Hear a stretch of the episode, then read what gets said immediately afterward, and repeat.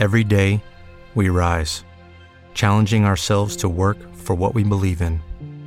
At U.S. Border Patrol, protecting our borders is more than a job, it's a calling. Agents answer the call, working together to keep our country and communities safe. If you're ready for a new mission, join U.S. Border Patrol and go beyond. Learn more at cbp.gov/careers. Lucky Land Casino asking people what's the weirdest place you've gotten lucky? Lucky? In line at the deli, I guess? Aha, in my dentist's office. More than once, actually. Do I have to say? Yes, you do. In the car before my kids' PTA meeting. Really? Yes. Excuse me, what's the weirdest place you've gotten lucky? I never win and tell. Well, there you have it. You can get lucky anywhere playing at LuckyLandSlots.com. Play for free right now. Are you feeling lucky? Purchase necessary. Void where prohibited by law. 18 plus. Terms and conditions apply. See website for details. Bugün hamımız Nirvana'dayıq əziz dinləyicilərimiz. Qonağımız xalq artisti Aygün Kazımov artıq studiyada mənimlə bərabər Aygün xanım xoş gəlmisiniz. Çox şadam sizi görməyə. Çox müsbət enerjisi, müsbət aurası olan xanımdır Aygün Siz xanım. məni necə qarşıladınız? İndi yəqin ki mənim Instagram storyimə e, baxsalar görəcəklər isti-isti e, bir neçə dəqiqə bundan öncə bunlar necə baş verdi, onun hamısını çəkdik və bu dəqiqə e, paylaşdım Pusinkam. Hə, baxa bilərsiniz necə oldu. Mən çox danışmayım bu təqdimat, e, bu görüş haqqında. Əlbəttə ki, bu əhval birinci sizdən başladı. Mənim əhvalıma siz elə bir əhval qatdınız ki, indi görün bizim verilişimiz, indi proqramımız nətər olacaq inşallah. Aygün xanım, mən sizi Azərbaycan səhnəsinin mega ulduzu, divası, əsas ulduzu necə istəyirsiniz elə də təqdim edə bilərəm. Amma məncə siz bu illər ərzində Aygün Kazımova adını bir brendə çevirmisiniz. Aygün Kazımova deyilirsə əlavə bəlkə heç bir təqdimata da ehtiyac qalmır və insan fikirləşir ki, Aygün xanım bu dəfə bizi nə ilə təəccübləndirəcək? Artıq nə etmək mümkünsə hamısını edib. Amma Aygün xanım elə bir iş görür ki, yəni təəccüblənməmək olmur. Yav Nirvana albomu da super alınıb Aygün xanım və Azərbaycanda bir ilkdir. Dolby Atmos formatında formatında. olan albomdur. İstəyirəm bu barədə biraz danışasınız. Necə yarandı ümumiyyətlə albomun ideyası? Necə oldu ki, siz bu albomu yazdırmaq qərarına gəldiniz? Əslində bu doğrudan da mənim çoxdan ki bir 20 il bundan öncəki e, bizim planımız idi. Elə hal-hazırda e, albomu çıxartdığım şirkətlə elə o vaxtı biz e, oturub planlayırdıq, düşünürdük. Elə oldu ki, baxın, planlayırsan, arzulayırsan, istəyirsən, bir də görsən, baxın neçə ildən sonra e, həyata keçdi. E, Və e, doğrudan da bu bir yenilikdir Azərbaycanda. Bu mənim alın yazımda artıq. E, mən bu- bundan heç yana qaça bilmərəm. Və e, yeniliklər yəni. Bu da mənim qismətimə e, düşdü. E, Dolby Atmos formatında Azərbaycanda e, ilk EP albom deyərdim. İlk EP albomdur. Səsləmə doğrudan da belə 360 dərəcə səslənməlidir də. E, Mahnını burdan qoşursan, amma 360 dərəcə səni başlayır əhatə eləməyə və hər alətin, hər instrumentin e, səsi e, ayrı-ayrılıqda gəlir. Hamısını duyursan, hiss edirsən Amma Başqa bir hisslərdir də. Bir sözlə əsl состояние nirvandır. Yəni o musiqini sevən, musiqini duyan, başa düşən adam üçün xüsusi bir zövqdür bu.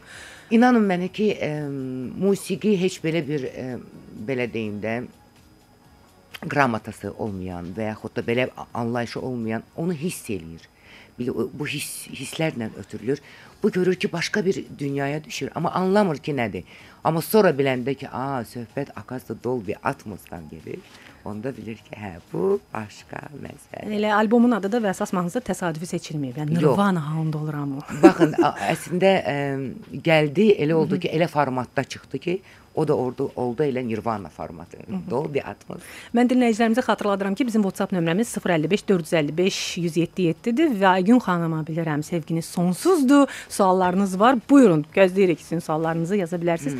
Aygün xanım, bütün bu ə, uğurun, ə, yəni Azərbaycan səhnəsindəki ilklərin, Azərbaycan səhnəsinin estrada musiqisinin, pop musiqisinin ən yadda qalan hərəkətlərinin sahibi olmaq İlham mənbəyiniz nədir? Sizi bax bu cür hərəkətləri, bu cür addımlar atmağa vadar edən ilham mənbəyi. Sevgidir. İnanın, hər şeyin kökündə sevgi dayanır. Bu yəqin ki, mənim bu sənətə olan sevgimdir.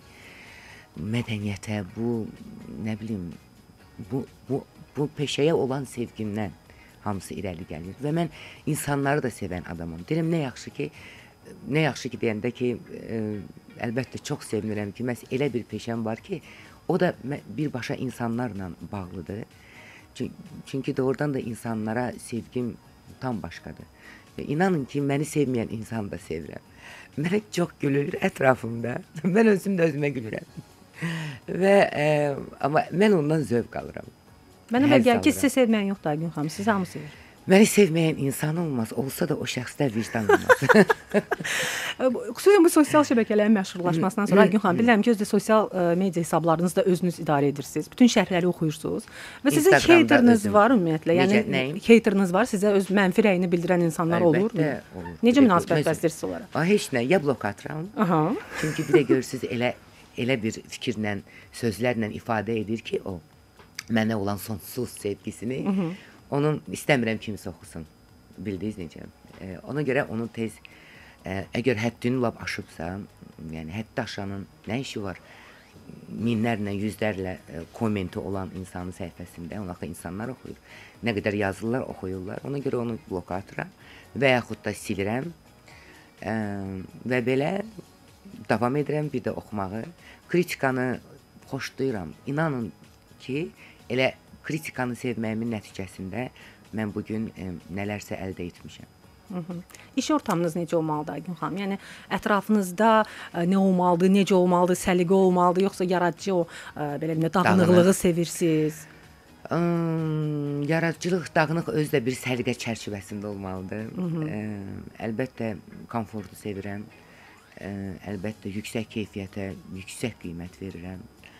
Ə, peşəkarlardan ötəri sino gedirəm. Mənim üçün işinin peşəkarı o insan mənim başımın tacıdır. O mə insan mənim komandamın gülüdür, çiçəyidir. O insan mənim ən böyük sevgilərimdən biridir. Yəni bu cürdür münasibət bizim komandada mənim e, komandama olan yaxınlarıma, doğmalarıma, məni aygün edənlərimə mənim e, münasibətim belədir. Bu yaxında sizin rayderiniz barədə yazmışdılar ki, mütləq çoxlu su olmalıdır sizin ətrafınızda. Zəhra hələ çox az yazmışdı. Biz orada elə bir vəziyyət idi ki, e, Zəhra bizim çox sevdiyimiz e, axşam azın e, yaradıcısı. e, Zəhra orada elə şərait idi ki, çox danışa bilmirdi. Əslində Ryder e, hələ çox skromlu idi. Yox demirəm, bir də deyirəm ki, mən bir də təkrarlanım, yaddaşları təzəliyim. Madonna kimi vanna otağımı qızıldan istəmirəm. Mən istəyirəm girən kimi böyük bir brilliant qaş olsun. Ə, amma ki, məsələn, ə, keyfiyyətə, ondan sonra kalitəyə ən çox önəm verirəm. Onda ə, ona görə də ucu artıq istər-istəməz rider artır, artır, artır, bax belə. Amma baxaram indi bizim studiyaya gəlmisiniz Aygün xanım. Hər şey, yəni o atributlarınız var da sizin güzgünüz, Bəli. ə, badəniz. Bəli, badə nə badə. Bəli, badəniz. Hətta fincanı ə, Aygün xanım bizi hal-hazırda canlı yayımdan izləyən dinləyicilərimiz görürlər. Yer gəlmişkən ə, çaşkam da burdadır. O, Koronavirusun şərəfi nədir o? Bəli, şərəfinə. O rusların bir sözü var. Stop period. Bəli. Sizin şərəfinizə koronavirus. Sağ olun. Yer gəlmişkən sosial media hesablarınızdan sağ çıxmayasınız, gələnlər sağ çıxmayasınız. 4279 soruşur ki, Aygün xanım, nə vaxt kitab çıxarırsınız? Aa, bu kimdirsə, bizimkilərdəndir deyəsən. Sirləri bilir deyəsən. Kitab da olacaq, mənim əzizlərim. Kitab da olacaq. Avtobioqrafik olacaq yoxsa Bəli, çox maraqlı? çox bəli. Hətta qoy bir qoy bir bayram qabağı, bir bayram günü ərəfəsində, günlər ərəfəsində bir açıqlama verim Avto FM-in ə, dinləyicilərinə. Bəli, əzizlərim, kitab olacaqdır və artıq hazırlanır. E, o mənim bütün həyat e, və yaradıcılığımı əhatə edəcək. E, ikinci kitab da olacaqdır, amma o ikinci kitabı biz seyfdə saxlayacağıq. Və 50 ildən sonra mən vəsiyyət edəcəm ki, mən öləndən sonra 50 ildən sonra o kitabı çıxarsınlar. Ay nə qədər maraqlı. Yəni Bəli, biz onları edirəm oradan sirlər olacaq. Nəticələrinizə vəsiyyət eləyərsiniz. Yaxşı, yaxşı, ya, nəvələrinizə yaxşı. Təsəvvür edirəm orada nə sirlər var ki, 50 ildən sonra açılacaq sirlər var deməli. Bəli, çünki mən sağ olan vaxtda o kitab üzə çıxsa, mən sağ olmayacağam artıq. Divam necəsiz yazıb dinləyiciniz? Əla. Çox gözəl görünürsüz hər zamanki kimi 2045 yazıb. Çox sağ olun. Siz a, bizdə axı canlıda Bəli, gedirsiniz. bəli. Düzdürmü? Çox sağ olun. Mən sizin üçün Əlimdən gələni etmişəm bu günləri. Ona görə bir çıqqılı efirə də gecikmişəm. Özürlü sayın.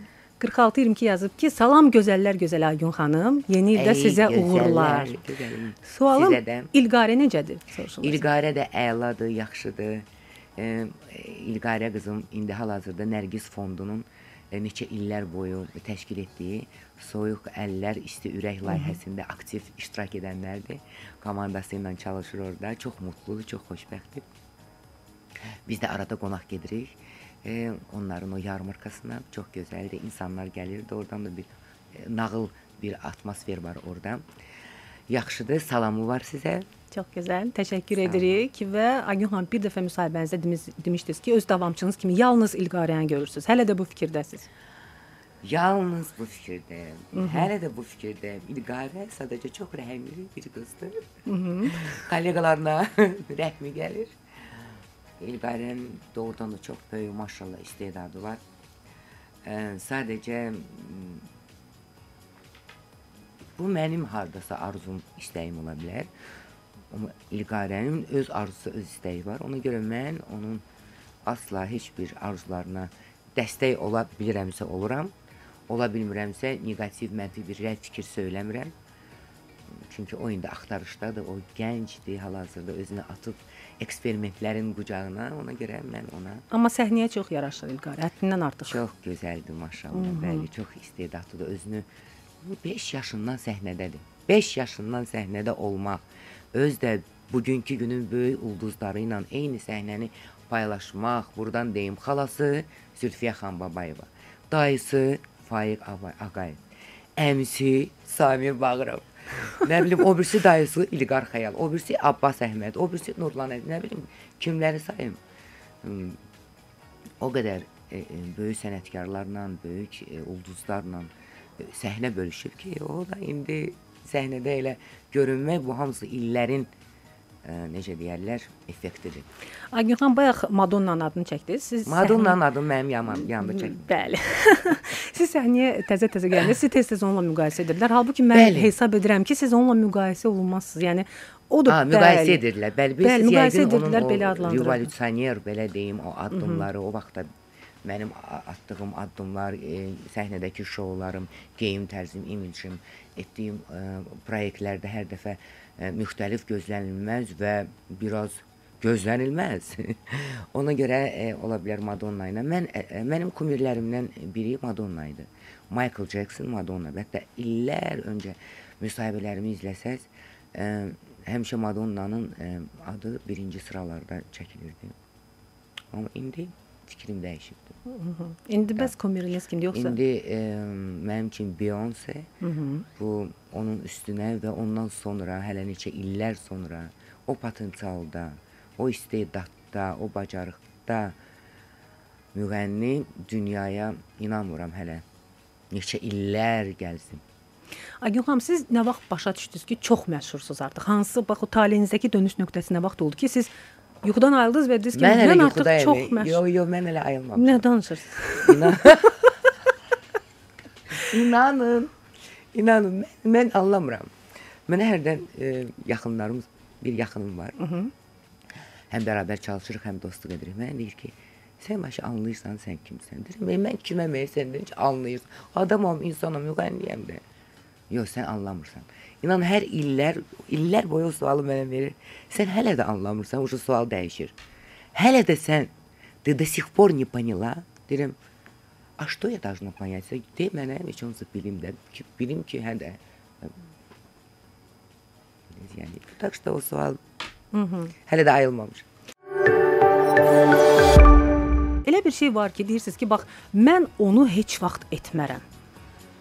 Mən çox qorxuram bu frazadan, bu fikirdən heç vaxt. Başınıza gələn qədər. Niqaqda,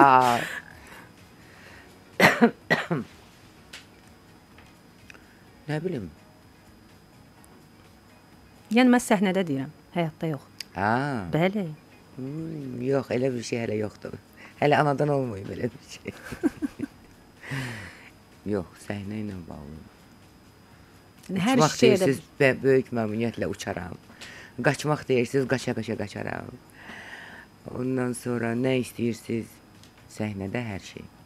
yer gəlmişkən yenə də o möhtəşəm konsertlərinizdən, şoularınızdan olacaq, yoxsa? Əlbəttə Aa. olacaq, əlbəttə olacaq. İnşallah. Yəni daha Azərbaycanda daha böyük bir konsert məkanı yoxdur ki, siz Mən çox sevirəm Crystal Hall səhnəsini. İnanın, ən sevdiyim səhnədir. Bütün səhnələr gözəldir. Təbii ki, söz söz sözü yox, söhbəti yox. Amma Crystal Hall başqa bir ə, mənim üçün özəldir. oradakı konsertiniz çox super idi Aygün xanım. Tamam. İndi inşallah növbəti konsert ondan da möhtəşəm olmalıdır. Mənə çox maraqlıdır. Aygün Kazımov boş vaxtı olanda nə edir? Ümumiyyətlə boş vaxtı olurmu? Boş vaxtı olur, olanda yenə də özünlə məşğul olur. Yəni Hə, hobbiniz mən- yoxdur. Belə. Hobbi özüm. Özümə vaxt ayırmaq, özümlə məşğul olmaq. E, Yəni özümə çalışıram çox vaxt ayırım. Çünki bu çox önəmlidir. Bu həm elə bu söhbət Aygün Kazımova brendinə görə, yəni bildiniz necə ona görə. Yəni öz üzərinizdə işləyirsiniz. İşləyirəm, e, özümə qulluq edirəm, özümə yəni bu cür. Yenə də hər şey hər şey Aygün üçün. Aygün xanım, siz bir vaxtların ən reytinqli televiziya verilişlərinin aparıcısı olmusunuz. Yenidən efirə qayıtmaq fikriniz var, yoxsa yoxdur? Yəni ki, ə, elə bir planım yoxdur, amma hər an o plan ola bilər də, yəni həyata keçə biləcək bir şeydir. Çünki bunu mən sevdiyim işlərdən biridir. Çox sevirəm televiziyanı, ə, əsas canlı yayımları çox sevirəm. Ə, ona görə ola biləcək bir şeydir. Yəni bu real söhbətdir. Çətin deyildi sizin üçün hər gün məsələn canlı yayıma gəlmək, veriliş aparmaq, yəni Ə, əlbəttə çətin də olurdu. Çünki ə, bir də görürsüz səhər gecə olur tədbir ə, və yaxud da dostlarınla dincəlirsən, amma səhər tezdən efir. Ə, O o anlarda çətinlik yaşanırdı. Ə, Amma çox gözəl idi, ləzzət eləyirdi. Hər dəfə bir şeylər baş verirdi canlı yayımda. özdə sizin həmişə başınıza nəsə bir qeyri-adi şey gəlməli. Bunu hətta bir dəfə özünüz də demişdiniz. bəli, bəli. Həyatda yox, ha, Mütləq özü də nəsə- səhnədə. Bəli. Yəni xahiş edirəm bir dəfə həyatda gəlsin də. Niyə səhnədə? Yəni bütün ekstremlər, bütün məqamlar yıxılmaqdan tutmuş hər şeyə qədər səhnədə. Hətta yəni ən son ana qədər düşünülsə də geyim və yaxud hansısa bir dekorasiya Ya, səhnədə ya, mütləq ya. nəsə baş verir. bu təsdiqlənmir. Uje mümkün deyil. İstəyirsiniz 1000 dəfə məşq eləyim, istəyirsiniz nə bilim o paltarı uje o qədər məşq eləyim ki, cırılsın səhnədə o paltar. Yenə də konsert başlayanda nəsə baş verəcək. Bunu hansı alim çözə bilər? Bu nə olan şeydir bu şey? Ümumiyyətlə niyə baş verir də? Bu niyə nədir? olur Bir- axı? Yəni əlamətdir, hansı Nə bir deməkdir bu? enerjidir, yəni. Və adətən maraqlıdır. də nə olur? Onu sizə deyim. Belə bir çepə baş verəndə ondan sonra elə bir ki, məndə ikinci dıxanya açılır. Bəlkə bu dıxanyanın açılmasıydı bunlar hamısı. Başa düşdünüz necə? Elə bir bir çepə baş verən kimi, elə bir konsert onda başlayır. Bildiniz? Məsələn, Kreml konsertində elə bir an yaşandı məndə. Mən modelyerimə, dizaynerimə demişdim ki, sən bu yufqanın altından mənə straxovka üçün bir şey tik. Çünki sən məni tanımırsan. Kim tanımırsa olmaz. Siz məni tanımırsan. Səhnədə ə, yəni özü də yüksəklikdən düşürəm. Qısa da mahnı deyirəm. Paltar da qısadır. Hə, elə oldu ki, mən o dedi, yox, ey, nə danışsan, mən 100 ilin belə, mən belə bu işim heç vaxt olmayacaq. Narahat olma. Ə, mən həmişə artistlərlə işləmişəm, bilirəm rəqqaslarla, falanlarla, filanlarla. Gördüm, yox. Bu iş olacaq 100%. Ona görə ki, həmişə olub. Ona görə özümüz straxovkalandıq. Səhnəyə mən çıxanda həmən şey baş verdi. Əgər o straxovka olmasaydı, ayda konsert başlamışkən bitməli idi. Təsəvvür edin. Özdə ad günüm günü. Özdə yubiley, özdə kreml, özdə vay dədə quş. Bəlkə özünüzü artıq köklüyürsüz ki, baxın nəsə baş verəcək, nəsə baş yox, verəcək. yox, axı baş bu həmişə olub. Ona görə bu bilirsiniz necə? İki vəziyyətdə olur da insan. Ya qorxularından ə, elə düşünür, təcrübəsindən. Çünki mən təcrübəmdən uje elə irəli gəl- söyləyirəm. Ya da fantazirvut eləyir. Yəni iki vəziyyətdə bu şey hadisə baş verir. O danışamıyorum. Mən də təcrübəmə söykənərək, çünki mən pozitiv, əslində problemdə no problem görən insanam. Anladınız necə? Mən ona görə də ona görə də öz yenə də təcrübəmə söykələn ə, söykənərək mən o straxovkaları eləyirəm, amma yenə də hər dəfə yeni şeylər baş verir. Belə.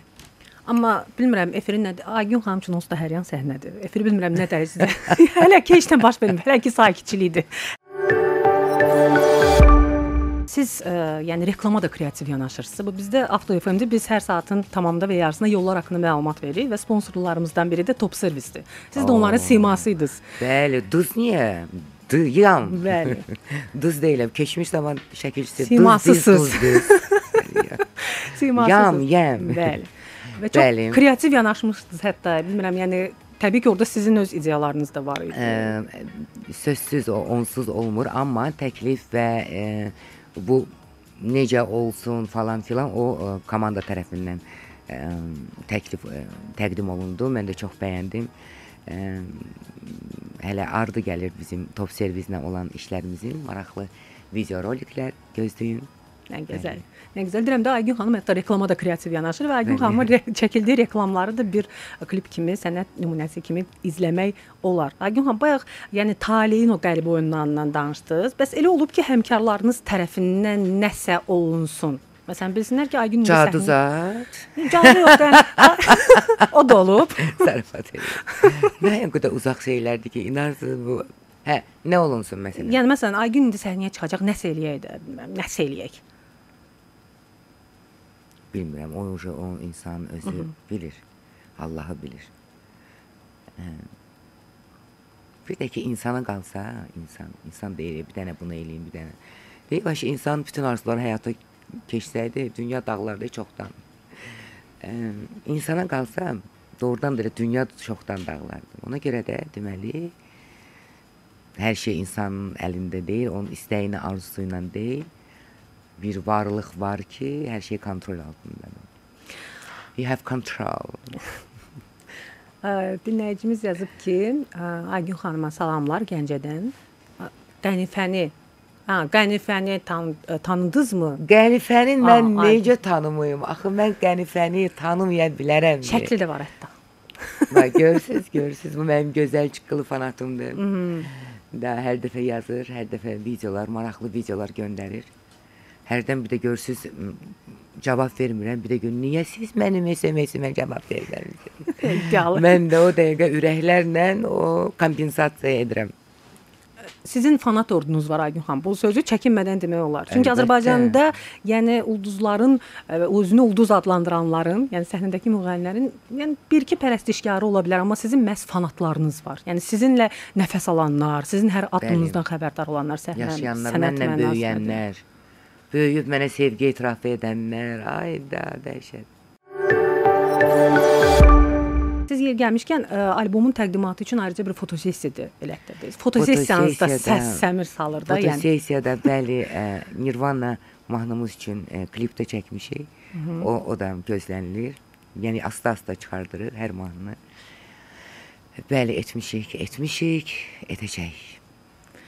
Klipləriniz Azərbaycanda ə, plastik əməliyyat etdirən və bunu ilk dəfə klipində tam metrajlı olaraq göstərən. Bəlkə indiki, yəni ki, belə deyim də, ə, dövr olsaydı, hətta televiziya vasitəsilə həmin klipin nümayişinə də icazə verilməzdi Aygün xanım. Dünya şou biznesində olub belə təcrübə. Klip təqdim edilmir müğənni və qadağa qoyublar ona televiziyadakı bu klipi göstərmək olmaz. Bəlkə Olur sizin elə kliplər Bəli. əlbəttə ki, ə, o senzura məsələsidir. ASTV orada yaxşı işləyir. Vəbşi əslində bu senzura deyilən şey var. Prosta başqa biraz daha şərtlərdir. Bax görürsüz, elə dünya ulduzlarının, elə Türkiyə ulduzlarının klipi var ki, çıxmağı ilə yasaqlanmağı bir olubdu. Hansısa şərtlər pozulduğuna görə və s. Hə, və sualınız yadımdan çıxdı. Yəni deyirəm ilk dəfə o plastik əməliyyatı Hə, hə, klip hə. formasına salıb göstərən də siz oldunuz. O hamısı sizin e, sizin deyəndə ki, bizim kolleqalarımızın sayəsində oldu. Məni o cinin atına mindirən oldu. İndiki gözəl jurnalistimiz e, Aynur Qaçeva hamısı ondan e, qaynaqlandı ki, mən elə bir addım. İndi olur ey insanlar hər şeyi atır kimi üstünə. Əslində Aynur mən sənə minnətdaram. Təşəkkür edirəm əzizim. Bir sevdim klipinin mətbuat konfransı idi. Oturmuşdu. Jurnalistlər mənə standart suallar verirlər. Bir də həyata gəlsəz, onda başlamışdım. E, və yaxud da daha nə nə təqdim edəcəksiniz? Bax yenicə bax bu dəqiqə təqdim eləmişəm. Ucu başqa klip, başqa mahnı. Adam istəyir klipin maraqlı suallarda biraz həm söhbətdən çox şey axı, Sual verdin, elə şeylər danışa bilərsən ki. Həmin dedim ki, əziz jurnalistlər, əzizlərim, biraz elə bir sual verin ki, də standart suallar verirsiniz. Mən də bir dünyamı açım, bir töküm ortalığa, bir danışım da istəyirəm. Səhərsi gün o vaxtda qəzet idi axı da, saytlar ə, qa- yox idi, qəzet idi. Səhərsi gün həmişə mətbuat konfransından sonra ə, Almaz xanım mənim köməkçim alırdı bütün qəzetləri və gətirirdi və biz də baxırdıq kim necə yazır. Bir də gördüm bizim bu o zaman Şərq qəzeti idi, səhv etmirəm. Ya Zerkala idi. Zerkala Aynur Qacıyeva məşhur jurnalistlərdən idi. Ə, yazıb ki, Aygün Kazımov bizdən onu təcrübələndirəcək sual istəyirdi. Amma unudub ki, çoxdan da özü bizi təcrübələndirmiş. Bəs salam. Az mənə belə söz. İnanın elə onu oxuya-oxuya ideya bax elə o masada, o stulda, hamısı orada baş verdi. Biletlər də həmən sifariş Ülviyə Könülə zəng oldu Fuad Əlişov, bütün komanda Xarçenka, e, e, Mikhail Mişa Xarçenka operatorumuz bütün komanda Некрасова gəldi. Некрасова ki, doktor, приготовьте мне самый красивый, самый роскошный ю операционную, deyir. Гуля, операционную роскошную, самую светлую, самую большую, доктор, как будто вот павильон готовите. Гуль, а для чего? Я говорю, доктор, мы будем делать съемки, мы снимаем клип. В общем, doktorum əvvəl şoka düşürdü, sonra barışırdı. Şoka düşürdü, sonra barışırdı.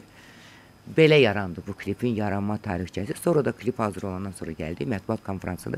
Heç kim bilmir ki, mən nə klip çəkmişəm, hansı mahnıya söhbət nədən gedir.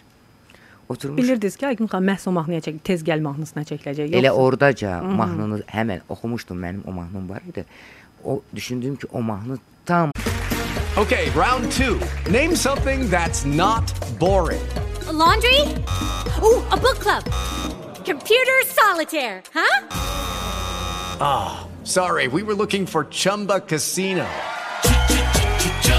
That's right. ChumbaCasino.com has over 100 casino style games. Join today and play for free for your chance to redeem some serious prizes. ChumbaCasino.com. No purchase necessary. Void where prohibited by law. 18 plus terms and conditions apply. See website for details. Hey guys, it is Ryan. I'm not sure if you know this about me, but I'm a bit of a fun fanatic when I can. I like to work, but I like fun too. It's a thing. And now the truth is out there. I can tell you about my favorite place to have fun Chumba Casino. They have hundreds of social casino style games to choose from, with new games released each week. You can play for free anytime, anywhere. And each day brings a new chance to collect daily bonuses. So join me in the fun. Sign up now at chumbacasino.com. No purchase necessary. VGW Group. Void were prohibited by law. See terms and conditions. 18 plus. o klipə uyğun mahnıdır və Ülviyə Könülə göndərdim və s. Getdik, çəkdik, gəldik. Mətbuat konfransıdır. Oturmuşuq bütün jurnalistlər elə başlayırıq. Aynur Qadırova oturub işıqları söndürdük, klip başladı. Klip başladı. Mən klipə yox, jurnalistlərin reaksiyasına baxıram. Belə çəkilmişəm belə, oturmuşam belə qıraqdan bunlara baxıram. Qaranlıqda bunlar mən. Bir onların üzlərinin reaksiyasını siz görərdiniz. Ürəyim ağrıdı. İşıqlar yandı, bunlar şokdadır. Yanından sonra döndüm. Aynur Qadirova eşidirəm sizi. Buyurun. Aynur Qadir danışa bilmədi çünki o şokdaydı. Nəinki təcrübələnmişdi, şokdaydı. Ya üstündən neçə il keçib o klipə indi də həyəcansız baxmaq olmur. Mahnıda yəni Ruslan söz var, Rasbalagayet. Yəni buna Bəli, şərait bəli. Çox gözəl mahnı deyil bəli, gəlmişkən. bəli. Mahnının özündə bir sanki gərgin Xanım, atmosfer xanım, var. bəli, yəni bəli. bütün o çox gözəl təsvir olunur buradakı proses. Aygün xanım, ümumiyyətlə təzə bir işə başlayanda sizin üçün çətin olan nəsə var? Yoxsa istənilən çətinlik nöqtəsindən aşırsınız ki, yəni yox mən bu işi yerinə yetirməliyəm, nə çətinlik? əvvəl o ki planlaşdırırsan e, o beynində, sonra o diskussiya halına keçir, sonra o o mərhələdə təbii ki, elə ideyalar gəlir ki, e, onlara görə düşünürsən ki, bəzi fikirlərə düşürsən. Kimsə deyir, "Yox, yox, qoymarıq, onu eləyə bilməzsən." Məsələn, elə bir trik istəyirəm ki, Hə, mən başlayıram o adamları qavarıb xahiş edirəm, rica edirəm. Axı mənim ən böyük arzumdur səhnədə. Anlamırsınız siz. Qoy da bu, priçom kim yıxılıb, kim ölüb. Yəni otururuq, danışırıq. Amma səhnədə elə bir pregrada mən özümdə görmürəm. Özümə görmürəm. Çünki düşünürəm ki, hamısı məşqin, peşəkar məşqçi ilə hazırlaşmanın və arzun, istəyin, böyük arzun istədiyin nəticəni əldə etmək olar. İşə bu cür peşəkar yanaşma, yəni vaxtı ilə peşəkarlardan görüb götürdüklərinizdə Aygün xanım, yoxsa sənətə olan sonsuz sevginizdir ki, bax, ə, konsert verəcəksinizsə aylarla məşq eləyirsiniz, rəqs qrupu ilə bərabər, yəni çəki itirirsiniz. Yəni çox ciddi yanaşırsınız. Bu Təbii ki, belə ortamda böyümüşəm, belə yaradıcı ortamda və bir də öz xasiyyətim e, bunu belə bir hala gətirib çıxardım. nə vaxtsa bir prodüser mərkəzi yaradaraq, özünüz ora rəhbərlik edərək yeni müğənnilər yetişdirmək istəyirsiniz yoxsa yox? E, bu da mənim arzularımdan, istəklərimdən biridir. E, yəni sırf prodüser mərkəzi yox, bir mərkəz ola bilər. Əslində arzumdur bu mənim. Və orada mm, çox istedadlı, böyük perspektivi olan e, istedadları məhz hazırlaşdırmaq peşəkar səviyyəsində. Səhnə mədəniyyəti, vokal, rəqs, duruş, gəliş, uçuş və s. Dinləyicilərimizə xatırladıram ki, 055 455 1077-dir bizim WhatsApp nömrəmiz. Yaza bilərsiniz suallarınızı Aygün Kazımova. 2529 yazıb ki, "Salam Aygün xanım, mən sizi çox sevirəm." Mən 23 sizə çox inanıram. Bu sevgi bitmir, tükənmir, əksinə daha da çoxalır. Bizim dəyərlimiz Şamplena fanatınız. Bəli, Şamplena Jalə yazıb bunu. Bəli, Bəli, Şamplena fanatınız. Şamplena fanatımdır. Öpürəm bütün fanatlarımı buradan. Hamınızı. Şamplena fanatımı da öpürəm. Mən bütün fanatlarım Şamplenadır. Aygün xanımın özündən yəni ixtira etdiyi sözlər var da bilirsiniz. Bu Şamplena sözü də ondan biridir və elə onun yəni mənşəyi, nə deməkdir, nə nəzərdə tutulur. Şampleniçka da var. Oy çox var. Və o bayaq o şampionanın bir qədər dəyişmiş formalandınız. O yəni insanların belə deyim də əzizləmə dərəcələrinə görə də, yəni O daha əziz vəziyyətin, olun- o Ha, məsələn Şamplena özü vəziyyətin o o Şamplena təsviridir də. yəni. Bəli, Nirvanadan da belə fısqırıq vanna vəziyyətidir. Təzə bir söz ixtira olundu. fısqırıq vanna. yəni fısqırıq vanna. Bir də görürsüz eksprompt çıxır elə şeylər. Belə insan bir də görsən halımı, vəziyyəti onu ə, anlatmaq üçün öz sözlərim məni daha rahatlatır. Nəinki standart Lüğətdəki sözlər. Lüğətdəki sözlər. Aygün xanım, nə Samir Bağırov qonağımız idi. Ondan soruşdum Nə ki, danışırsın? Bəli, Nifrətini söylədi, düzünü deyil. Açıqlamı, açıqladım ürəkdən. Ə, Yox, belə deyim də efirə gələn ki məndən soruşdu ki, nə bürcüsüz? Mən dedim ki, Dolça bürcüyəm. Yəni. Oo! Oo! Bəli, bəli. Yenə də hər yerdə onun məni xatırladılar da. Nə dedi? və sizi xatırladıq, sizi xatırladıq. Dedi ki, mən dolçalarla belə də, yəni gah barışırıq, gah küsüşürük. Yəni bilmirəm nəyə görə. Bəlkə siz şirlərdə də problem. Mən elə elə də Siz dedim. küsmüsüz dolçalar sizinlə küsməyibdi. Siz özünüz özünüzə küsürsüz, barışırsınız. Və mən ondan soruşdum ki, bilirəm axı, yəni şirlər çox bədxərc olurlar. Dedim siz bədxərcsiniz. O dedi ki, yox ümumiyyətlə mən bəli, bədxərc çox pul xərcləyirlər. Dedim Hmm. mən ümumiyyətlə pul lazım deyil, yəni. Çox maraqlı. Və Kosmik bilirəm ki, siz ikimiz yenə, ikimiz yenə, iki, ikimiz. Düzdür, o kosmosda yaşır, orada pul lazım deyil. bilirəm ki, siz yəni qardırobunuza həddindən artıq çox pul xərcləyirsiniz. Yəni bəlkə də bütün pulunuz ora gedir. Hələ bu cür davam edir, yoxsa yəni illər Bəli, əvvəl bütün belə? yox, yarı layihə, yarı o qardirob. Çünki bu da mənim e, yaradıcılığımın əsas hissələrindən biridir. Mən uşaqlıqdan e, sevmişəm. Bir, adam ki özünə prostindən paltar tikir.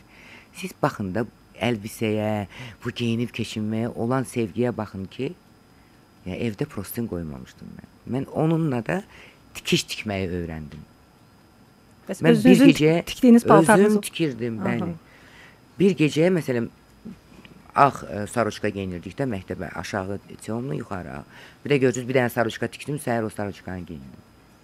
Prosta onu çox geyinmək olmur. Elə bir dəfə geyirsən, pis.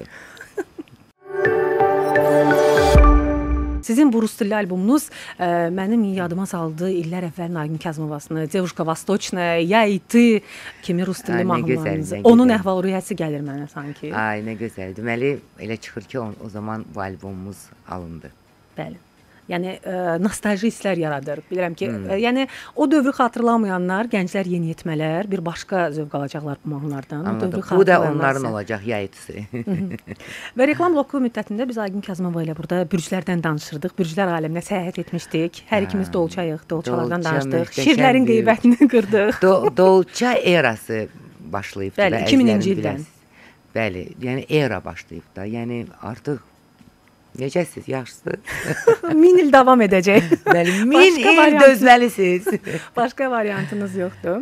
Şirləri e, Bəli, onu qeybətin də. Qiymətini bacı. qırmırdıq. Nə e, söhbət Samirdən gedir. Ha, daha nə deyirdi maraqlıdır. Deyirdi ki, e, dolçaları nəyə görə sevirəm? Çünki bəzən e, podvodniy kamnidir. Yəni sualtı daşlar olur onların. Yəni görünməyən tərəfləri var da dolçaların. İstənilən anda, istənilən yerdən görünməyən bir zərbə vura bilərlər adama. Hətta zərbə. Yox, zərbə demədi, indi onu mən bəziyib Yəni gözlənilməz bir addım ata Bəli, bilərlər. podvodniy kamniy ifadəsini işlətdi. Mhm. Sizcə nəyə görə belə Yəqin oxuyub da hardansa o Samirin sözü olmaz. ya da həyatında dolçadan can Samir min dəfə demişəm sənə. Nə işin var başqa dolçalarda? Sənə bir dolçam var. Gəl öz dolçamın yanına. Samir e, yeni imicdədir. Kstati, hə, onu Bəli. gördüm Samiri. Biraz Igor Nikolayev oxşatdım. Doğrusu, e, amma gözlənilməz idi o da. E, yaxşı idi. Sizə necə gəldi? Mən Igor Nikolayevdan daha çox Nikita Çigordoya oxşatdım. Əbə o momentlər Bəli. bildiniz biraz belə. Hə, yəqin e, Samirin əsas özünə xoşda dəyişilmək bir, bir insana çox yaxşı gəlir. Mən özümdən bilirəm bunu. Yəqin ki, ona xoşdur ki, o stop deyib ki, bəs belə okeyliyib dayanıb. Yəni mən tanımadım əvvəl. Bu özü artıq maraqlıdır da tanımamaq və birdən görürsən ki, kim Akkazda bu bizim Hacı Kamparmış. Əslində onda və bir çox müğənnilərdə olur da belə depressiyaya düşmək, yəni sənətdən uzaqlaşmaq və sevindim ki, qayıdır. Sizdə isə heç vaxt belə hal olmayıb Aygün xanım. Siz həmişə yəni ə, hətta bəlkə əhvalınızın hansısa bir pis məqamı olsa da insan hamıda olur bu. Siz onu heç vaxt tamaşaçınıza, dinləyicinizə hiss etdirməmisiniz. Yəni Aygün xanım ola bilər daxildə nəyinsə istirabını da çəkib, nəyinsə xiffətini də çəkib, amma dinləyici bunu etmir. o əziyyət mən bilmirəm sizdə necədir. Bu əziyyətli məqamlar adamın yadında qalmır. Fikir verirsən, ancaq xoş günlər, xoş anlar. Ə, bilmirəm, bəlkə də mən daha da kömək edirəm ki, onu unudum. Siz pozitiv insansınız ona görə. Siz Da- hər şeydə pozitiv yadımda qalmır. Ona görə danışanda da falan, amma ürəyim dağrıyanda anında elə sual veriblər. Ağladıblar da məni, yəni belə də olubdu. Ə, yəni bir insan hal, halı kimi belə də olubdu. Canım sənəsin Samir ə, roman daha romantik, daha belə duyğusal, daha belə suyvernidir deyim. Ə, daha çox isə tənbəldim. Bunlar bunlar bütün bu mən deyərdim hətta bunlar bəhanələrdir. Ə, Samirin o tənbəllik sindromu hamımızdan daha güclü. Hamımızda var.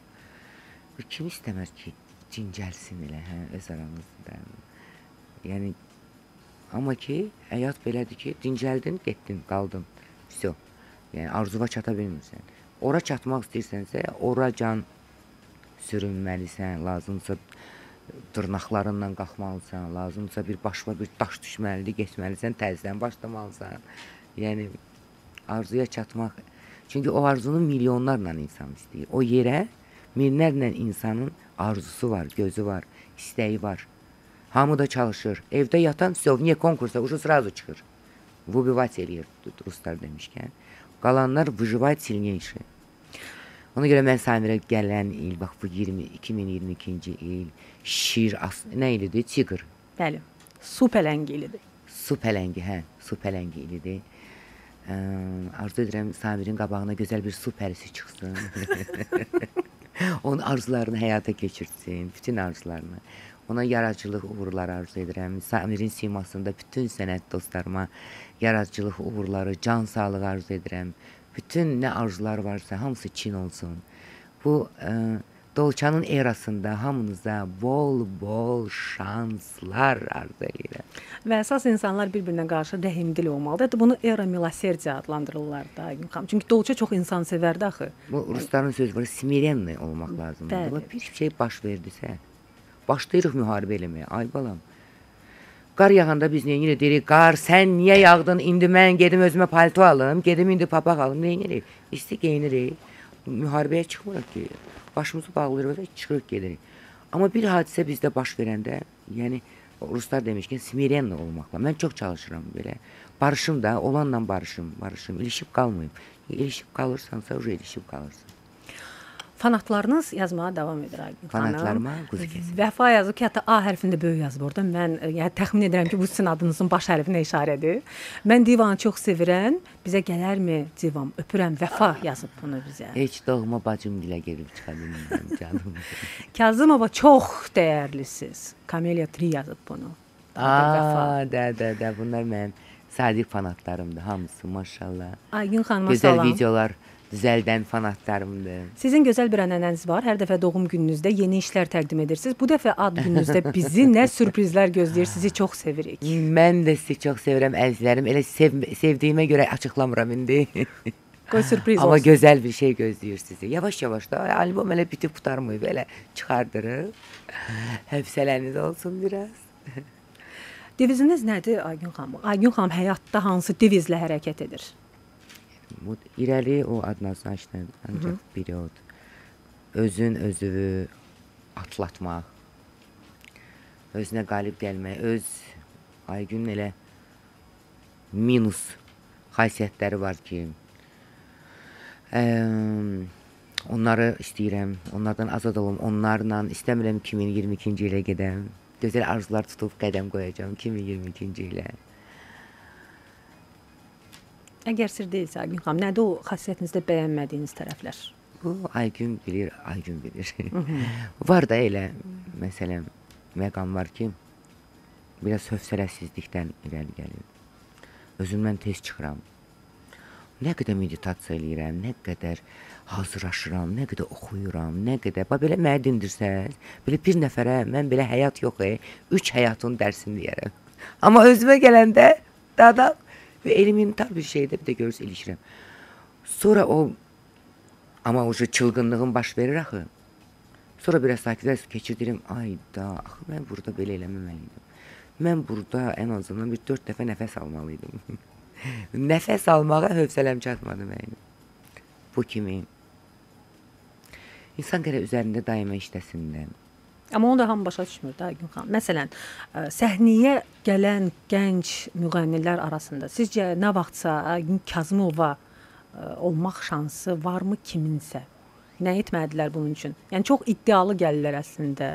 Bir mahnı yazdırıb, bir klip çəkdirib çox iddialı təqdim edirlər və bir müddətdən sonra unudulurlar çünki davamı gəlmir. Sizdə işə davamı indiyə qədər gəlir. Məncə potensial bitir. Hı -hı. Yəni e, iddialı gəliş çox gözəl gəlişdir. Təbii ki, o davam etsə də, davam etsə. Və eləsində var davam edir, eləsində var ə, bu belə deyim də, belə bu təbiətdə mütləq hər çiçəkdən, hər ağacdan, hər meyvədən olmalıdır da. Təkcə bir qarpız olsa belə deyim və yaxud da qarpız necə dadlıdır dəhşət. Amma onu bütün sezon və hər gün yemək. Ona görə də hər meyvədən, prosta var meyvələrin şahı, ə, heyvanların şahı, nə bilim çiçəklərin şahı, güllərin şahı və o çıqqılı otlar da olmalıdır, o çıqqılı o ə, su çiçəkləri də olmalıdır və böyük kala da olmalıdır, böyük güllər də olmalıdır. Və olmalıdır. Dan ulduzu. Niyə ulduzu bir dənədir? Ona görə ki, o bir dənədir ona görə. Hər yerdə də belə. Bayramınız mübarək olsun. Yazıb bunu dinləyicimiz Fanat Arif. Onu o qədər çox sevirəm ki, sözlər həqiqətən kifayət etmir. 23 ildir onu uzaqdan izləyirəm və ən böyük arzum bir gün ona çox yaxın ola bilməkdir. Bütün bu o ilə bağlı yazılan sözdə yox, hamısı caps lock-la yazılıb. Yəni. hamısı böyük hərflərlə yazılıb. Hı -hı. Yəni sizə verilən dəyər, Fanat sevgi, bəli. Mən inanıram bu sevgilərə. 23 ildir sevmək. Çox xoşbəxt insanam. Çox həddən artıq. Yəni bu cür ə, həm də bu cür fanatların olması, xanım, əlavə bir məsuliyyət deməkdir. Yəni birdən-birə siz ə, özünüzdən başqa da peşəkar olub, yəni özünüz üzərində işləməkdən başqa da fanatlarınız üçün əsas, yəni onların hansısa bir istəyini, onları peşman etməmək, Aygün niyə belə elədi? Bir də görsüz direktə yazırlar. -hı. Yazırlar nəsə bir bir şey baş verib. Mən bilirəm bunlar bilmir də. Yəni Onlar təbii ki bunu belə qəbul edirlər və yazırlar və bu boyda, bax bu boyda 1 kilometr SMS. Mən də oxuyuram. Ə, oxuyuram və bir cümlə ilə, iki cümlə ilə cavablandırıram. Məsələn, ə, nədən ATV o günkü verilişi YouTube-a qoymur? E, bu boyda dedim istədim deyə bunu ATV-nin bu məktubu yönəldin. e, ATV deyirəm, ATV-nin e, mən də buna cavab yazıram. Ona görə ki, əzizim, veriliş ayın biri təkrar gedəcək. Təkrar gedəndən sonra sırası YouTube-a qoyacaqlar. Ay Yuxam, sizi çox sevirəm, o qədər çox sevirəm ki, anlata bilmərəm. Adım Sədaqətdir. Yanvarın 6 saat günümdür. Ən böyük arzum sizinlə görüşməkdir. Yazıb dinləyicimiz. Allah qismət eləsin. Allah nəsib eləsin. İnşallah bilmək olmaz, bəlkə görüşdük. Bu boyda sevginin qarşısında Aygün xanım, yəni o sevgini, sevgi məncə mənəvi olmaqdan əlavə həm də maddiləşib artıq sizdə. Yəni bu sevgini siz gözünüzlə görə bilirsiniz, hiss edə bilirsiniz, onu duya bilirsiniz. Yəni bu boyda sevginin qarşısında səhnəyə çıxmaq və başqa cür olmaq mümkün deyil. İndi mən sizin uğurunuzun sirrini başa düşdüm. Bəli. Yəni Aygün Kazımovadan soruşmayacağam. Uğurunun sirri nədir? Yəni artıq ə, məncə siz də başa düşdünüz. Bu boyda fanat ordusunun qarşısında başqa cür olmaq mümkün də deyil. Yox, haqqında Başqa cür olsaydı siz bəli. Yəni Çünki səhnəyə çıxanda siz onların o ə, necə deyirlər, o reaksiyasını, onların o həyəcanını, siz bilirsiniz, prosta adam utanır. E. Yəni elə hisslər keçirdirsən ki, və yaxud da bir SMS atır, səsli SMS, hönkürtü ilə ağlayır. Ay Allah, düşünürsən ki, Hı. yox ay.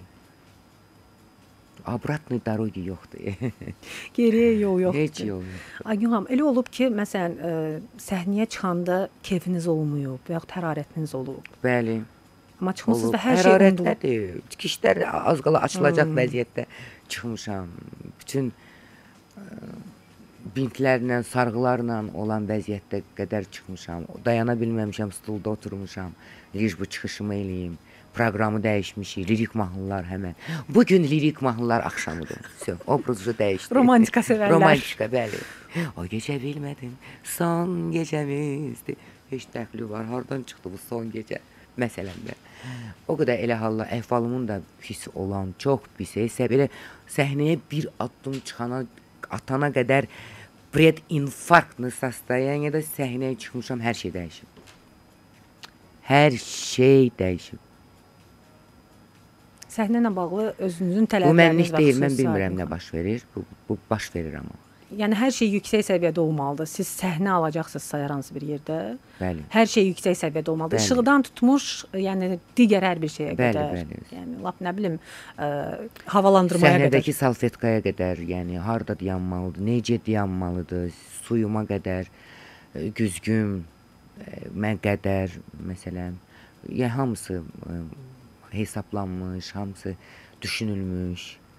Yəni səs rejissorundan olan o artistliklər səhnə arxasında, muzikantlarımla olan ə, bir də görürsüz məsələn də çıxırsan səhnəyə özün mikrofonu əvvəlcədən yoxlaya bilmirsən də bu elə bir bir neçə müğənnidən ibarət səhnədirsə ə, və imkan olmursa çıxırsan bir də görürsən ə, mikrofonu yaxşı hazırlamayıblar. O mahnını sən ifa etdiyin müddətdə mikrofon köklənir, köklənir, hazırlanır zat. Yəni əvvəl bundan stres keçirdim. İndi ondan şou eləyirəm artıq. Yəni bu başqa bir zövq verir. Aygün xanım, yer gəlmişkən güzgünün adını çəkdiniz. Bu artıq sizin atributunuzdur mütləq Bəli, güzgü olmalıdır bəli. Aygün xanım. Nə vaxtdan oldu bu və nə hadisə baş Heç verdi? bilmirəm nə vaxt oldu. Heç bilmirəm nədən oldu. nədən oldu, nədən oldu. Bilmirəm canım və bir də gördüm ki, mən belə güzgüsüz yaşaya bilmirəm. Və bir də mənim güzgümə kimsə baxanda heç xoşlamıram. Bu- Burdan deyirəm mənim güzgümə baxanlar, eşidirsiniz məni? Da baxmayın. Üzünüzə deyə bilmirəm, deyirəm eşidin. O deyirlər güzgü də bir enerji mənbəyidir. Bir Buna nədir? çox Akazlıca inanırdılar. Güzgü böyük bir dünya imiş. Güzgü nəymiş? Wow. Yəni Məsələn, hətta bəzi qəribə inanclar da var. Deyirlər, axşam qaranlıqda güzgüyə baxmaq olmaz. Nə bilim, güzgünün qarşısına şam yandırmaq olmaz. Bu hamısı yəni keçmişdən gələn inanclardır. amma heç nə elə belə Amma deyil. enerji var. Doğrudan da da, da, heç nə elə belə deyil. Mən bax niyə mən halım pisləşir mənim güzgümə kimsə baxanda? Niyə mən stres keçirdirəm belə? Elə bir belə öz dərimdə keçirdirəm ey onu. Güzgüdür də, baxsın da, Allah qurbandır yəni. Amma özü də belə gəlib birdən reis götürüb belə baxırlar. e.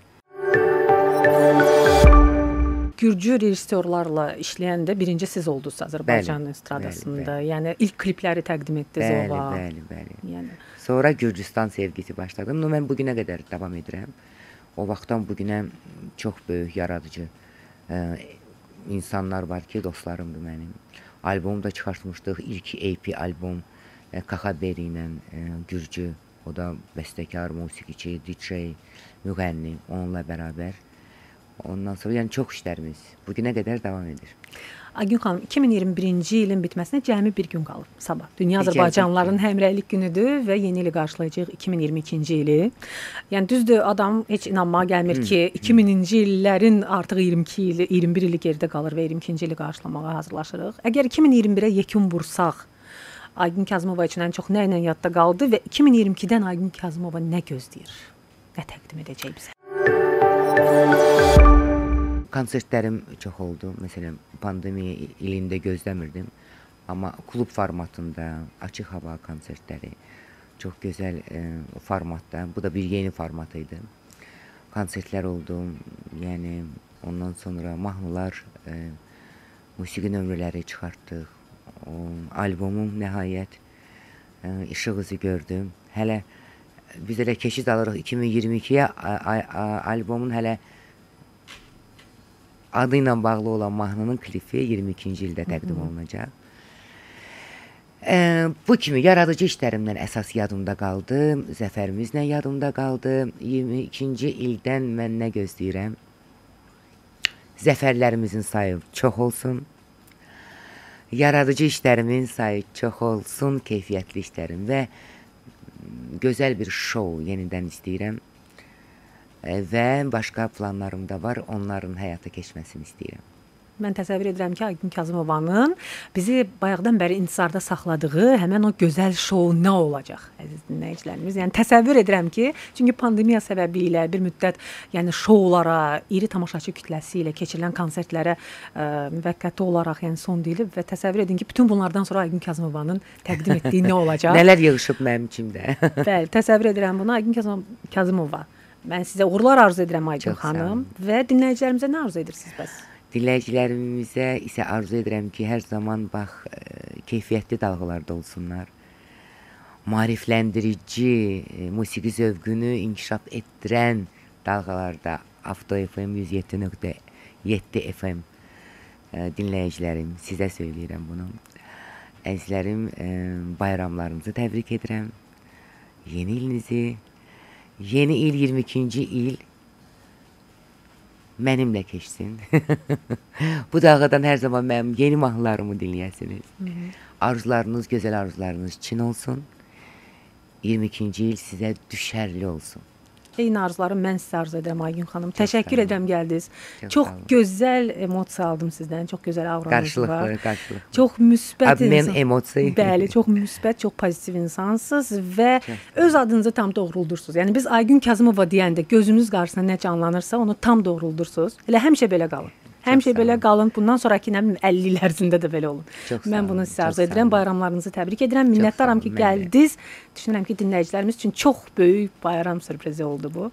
Mənə çox xoş oldu. İnanıram ki, bu xoş enerjini ötürə bildim. Təşəkkür edirəm sizə. Minnətdaram. Aygün Kazımova idi bizim qonağımız əziz dinləyicilərimiz.